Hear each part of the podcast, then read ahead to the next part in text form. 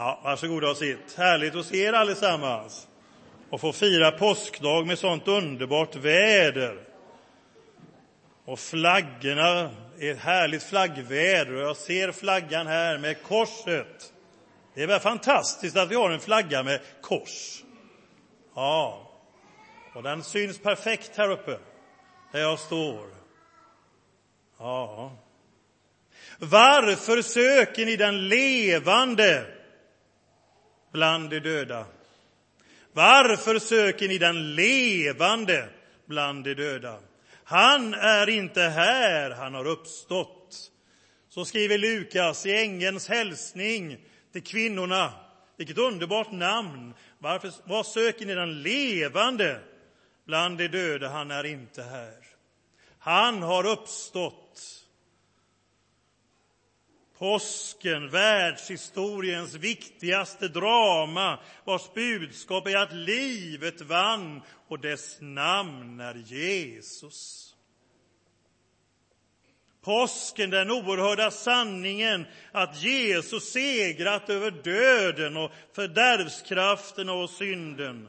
En sanning som i grunden förändrat förutsättningen för människans och hela världens framtida liv och kommande världar och livet här och nu.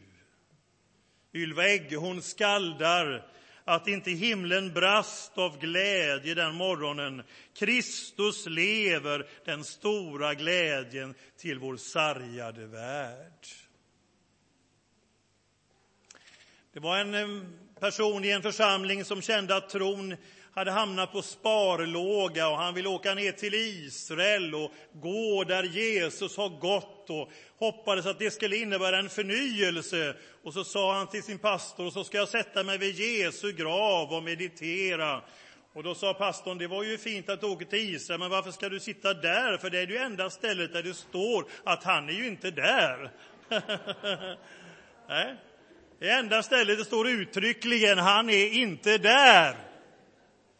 För Jesus Kristus är uppstånden. Amen.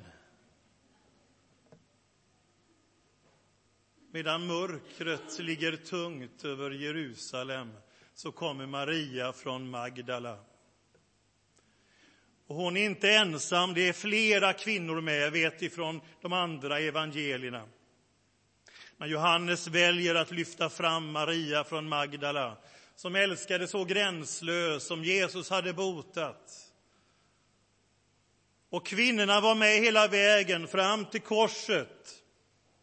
Och när Jesus tog ned från korset och den dramatik som var, det var ju bara några timmar man hade på sig att få tillstånd att ta ner kroppen och hitta en gravplats och göra ordning och svepa kroppen. Det var stor dramatik tidsmässigt, men man hinner. Josef från Arimataia som hade varit en lärjung i hemlighet, han trädde fram tillsammans med Nikodeus och kom till Jesus om natten. Det kanske var lite lägre profil på dem innan, men lärjungarna som hade haft en stor profil, de hade sprungit och gömt sig. Men Josef från Arimataia och Nikodemus får tillstånd Josef har ju en sån position så han kan fråga, kan vi få ta ner Jesus? Och så sveper man honom med 30 kilo av myrra och aloe och oljor. Och man gör, sveper in honom i linnetyg och den bästa kvalitet. Och den bästa kvaliteten av linnetyg, det gjordes i Galileen. Och centra för den här handeln var Magdala. Det står att Josef från Arimathea, han köper det i Jerusalem, men det var säkert i sin tur inhandlat, mycket väl troligt från Magdala. Och så sveper man in honom i det finaste linnetyg. Och sen blir det sabbat. Och så får man vänta och hålla sig stilla. Men Maria från Magdala och de andra kvinnorna, för det står ju vi, vet inte var de har flyttat honom. Men hon kan inte vänta längre. När mörkret är tungt så går de dit. Där är Johanna med, som var hustru till Herodes förvaltare Kusas. Det var Salome, som var Jesu moster och mamma till Johannes och Jakob och som var gift med Sebedaios. Och så var det Maria, Jakobs mor, som det står. Det var Jakob den yngre av apostlarna och som var hustru till Klopas. Och självklart var Maria, Jesu mor, med där också. Hon har ju varit med till graven. Många kvinnor kommer dit, men det är Maria från Magdala som lyfts fram medan det ännu var mörkt. De älskade så. De skulle göra slutföra smörjningen och svepningen lite extra till. Och när hon kommer dit så ser hon att den här stora stenen var borta. Det var ju inte för att Jesus skulle kunna komma ut, för han gick ut ändå. Linnebindlarna ligger kvar, de var inte liksom så här uppsnörda, utan de var bara ihopsjunkna, hela alltet, för han bara steg rakt upp. Och rakt ut, han behövde ingen sten som var borta för honom. Men det var ju för att kvinnorna och lärjungarna skulle kunna komma in och se. Och hon springer därifrån och möter Simon Petrus och Johannes och säger de har flyttat bort Herren ur graven och vi vet inte var de har lagt honom. Sorg på sorg. Deras livsström i kras och sorgen och smärtan för Jesu död. Och så nu har någon till råga på allt stulit kroppen, flyttat bort honom. Var är han? Och Petrus och Johannes ger sig iväg och de springer dit. Och så mitt i detta påskdrama så finns en liten rolig notis. Den ene lärjungen sprang fortare, det är väl kul? det är ju världshistoriens drama. Och så finns det en liten notis, Johannes kan inte låta bli. Nej. Den andra lärjungen sprang fortare. Alltså hade kvinnor skrivit evangeliet tror jag inte den noteringen hade varit med. Det är min lilla reflektion. Jag vet inte om ni håller med. Men i den manliga världen så var det en viktig grej där att eh, jag vet inte om de hade tävlat i löpning annars. Eh, eh, de tävlade ju då och då vem som var störst och kanske också var som sprang fortast. Jag vet inte. Men Johannes tyckte detta var viktigt. Han sprang fortare. Ja. Och han kommer tillbaka till den lärjungen som kom först. det är väl förunderligt, festligt. Nu är det väl antagligen så att Johannes kanske bara var 16 år när Jesus kallade honom. Så här kanske han var då vid 19 års ålder och Peter kanske var dubbelt så gammal, det vet jag inte, så det är inte så konstigt. Men Johannes tyckte att det var lite käckt att skriva det. Den andra lärjungen sprang fortare. Ja. Men de springer, men Johannes stannar, men Petrus han springer ända in i kaklet. Han bara stormar in, han har fått upp ångan och rakt in. Och de ser bindlarna där och att graven är tom. Han såg och trodde. De hade ju inte förstått att Jesus skulle uppstå. Det hade man ju inte räknat med. Det hade inte gått in. Det var inte den slutsatsen man drog direkt. Oj, nu har han uppstått. Utan man undrar var har de fört hen kroppen någonstans? Och de återvänder. Men Maria hon står kvar och gråter utanför graven och lutar sig in och ser två änglar sitta där. Och de säger till henne, varför gråter du kvinna? Hon svarade, de har flyttat bort min herre och jag vet inte var de har lagt honom. När hon hade sagt det vände hon sig om och såg Jesus stå där men hon förstod inte att det var han. I sorgen och smärtan så fördunklade det. Hon kunde inte se. Kanske var det fortfarande lite mörkt också, men sorgen förblindar. Hon kunde inte se vem det var. Och Jesus säger till henne, varför gråter du kvinna, vem letar du efter? Hon trodde att det var trädgårdsvakten och svarar, om det är du som har burit bort honom, Herre, så säg mig var du lagt honom så att jag kan hämta honom. Hon är återvänd mot änglarna, för det är inte lätt för en trädgårdsvakt att konkurrera med två änglar. Så hon vänder blicken tillbaka till änglarna, men svarar den här trädgårdsvakten lite så från sidan. Och så kommer den här replikväxlingen det är få repliker i världslitteraturen. Jag tror inte det finns någon replik i världslitteraturen som har en sån laddning. En laddning som vi omedelbart förstår. Det finns inget liknande i evangelierna och inte något liknande i hela antika världen. Maria hade ju hört sitt namn sägas så många gånger, tusentals gånger. Vi vet hur våra namn kan sägas, olika tonfall. Men den här gången skälver hela universum tillsammans med hennes hjärta när han säger hennes namn. Maria. Och då känner hon igen rösten, hon känner igen tonfallet. Den här rösten, det där tonfallet, den kärleksfulla stämman, den känner jag igen. Hon såg inte, förstod inte, men rösten, tonfallet, Maria. Och hon vänder sig om och utbrister så som hon har sagt under flera år. Rabuni, Rabuni. Mästare, men det är, det är en diminutiv form. Det har inte gått att översätta, det står kvar, hennes gensvar på hebreiskan hänger med i historien, Rabuni. För det ska egentligen översättas, min älskade lille mästare. Så är formen Rabuni, min älskade lille mästare. Maria, min älskade lille mästare. Du har uppstått, du är levande.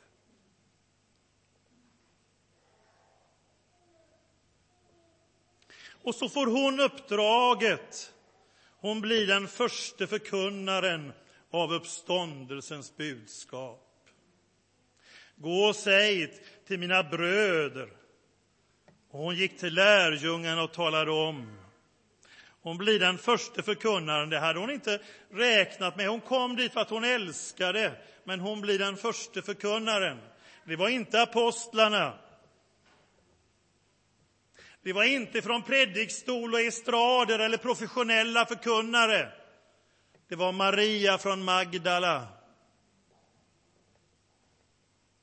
Och på samma sätt har församlingen, Guds folk, du och jag som lärjungar, uppdraget att få ge uppståndelsens budskap vidare.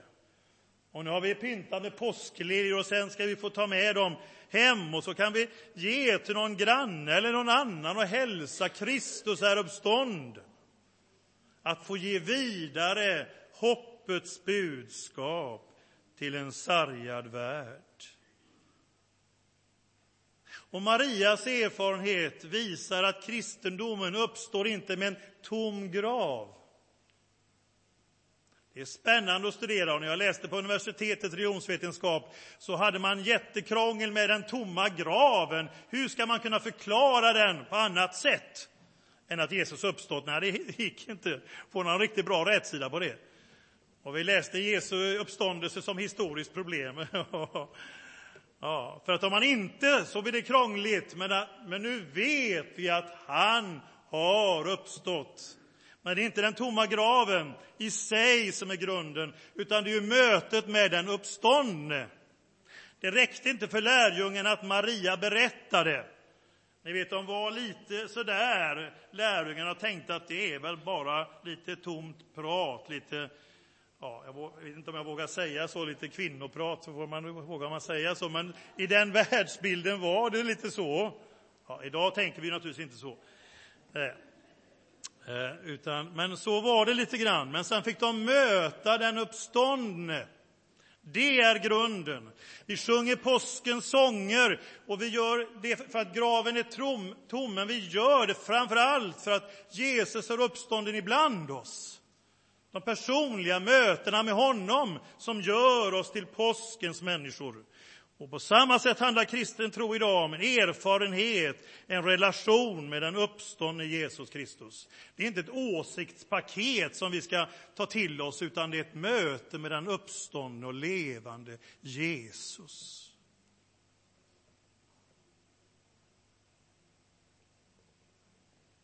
Den goda fredagen långfredagen förkunnar att det finns en Gud med sår. Den enda Gud i universum som har lidit för människans skull. Ingen annan människa har påstått sig sona världens synd. Det är bara Jesus Kristus, Guds son, den enda Gud med sår, som dör för våra synders skull. Och Barabbas går fri. Och på samma sätt så går vi fria för att Kristus dör för våran skull. Men han uppstår för vår rättfärdiggörelses skull, för att vi ska få liv och gemenskap med Gud. I uppståndelsekapitlet i Första Korinthierbrevet 15 så resonerar Paulus runt det här med uppståndelsen och säger till dem som inte trodde att det var så. Ja, om inte Kristus uppstår så är vi grundlurade, säger han. Vi är de mest ömkansvärda människorna. Vilken bluff vi har gått på. Det är en illusion och to, tron är tom och meningslös om det bara gällde detta livet.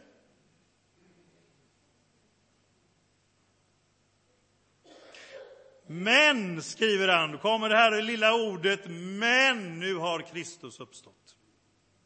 Nu har Kristus uppstått och han kan utropa död. Döden är uppslukad och segern är vunnen. Död, var är din seger? Död, var är din udd?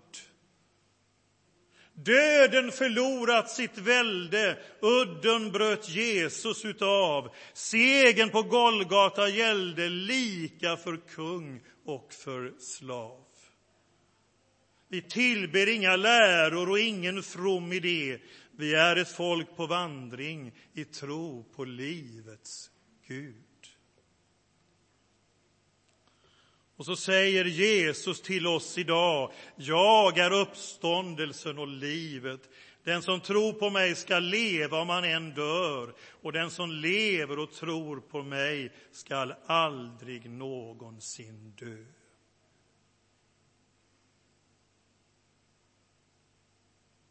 Och när jag var vid mina föräldrars grav i måndags och det var ett underbart väder så när jag kommer dit så får jag proklamera och säga livet vann, dess namn är Jesus. Den som tror på mig skall aldrig någonsin dö. Det skulle stå to be continued på gravstenen, jag vet inte om man får ha det så. Fortsättning följer. To be continued.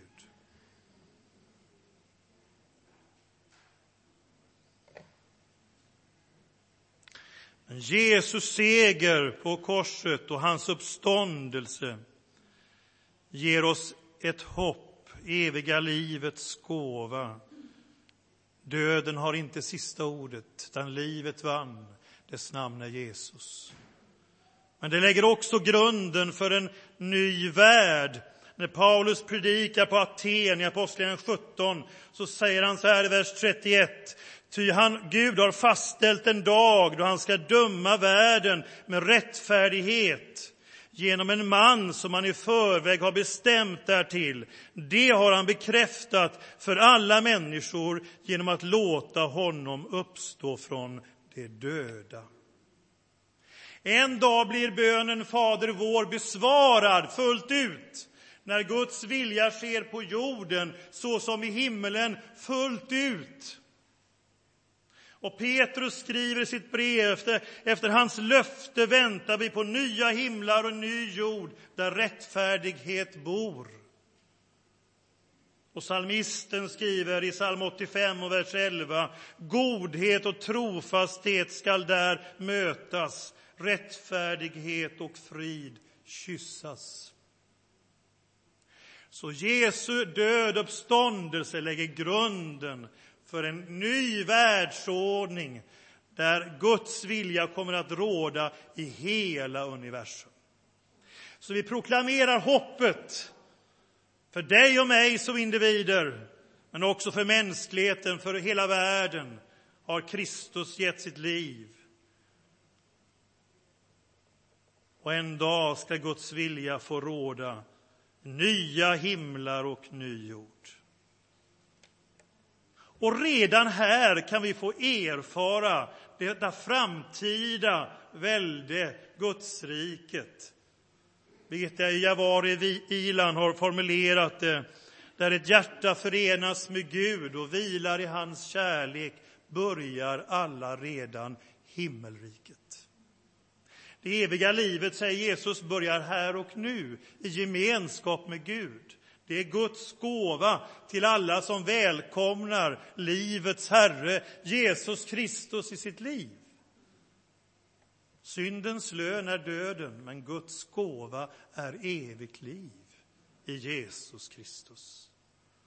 Så får vi erfara Guds framtid i förtid, en försmak av vad komma skall.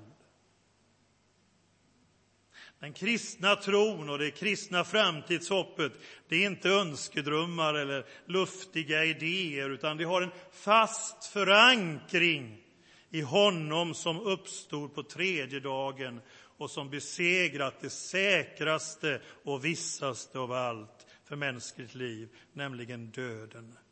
Men han har besegrat den. För Kristus är uppstånden. För Kristus är uppstånden. För Kristus är uppstånden.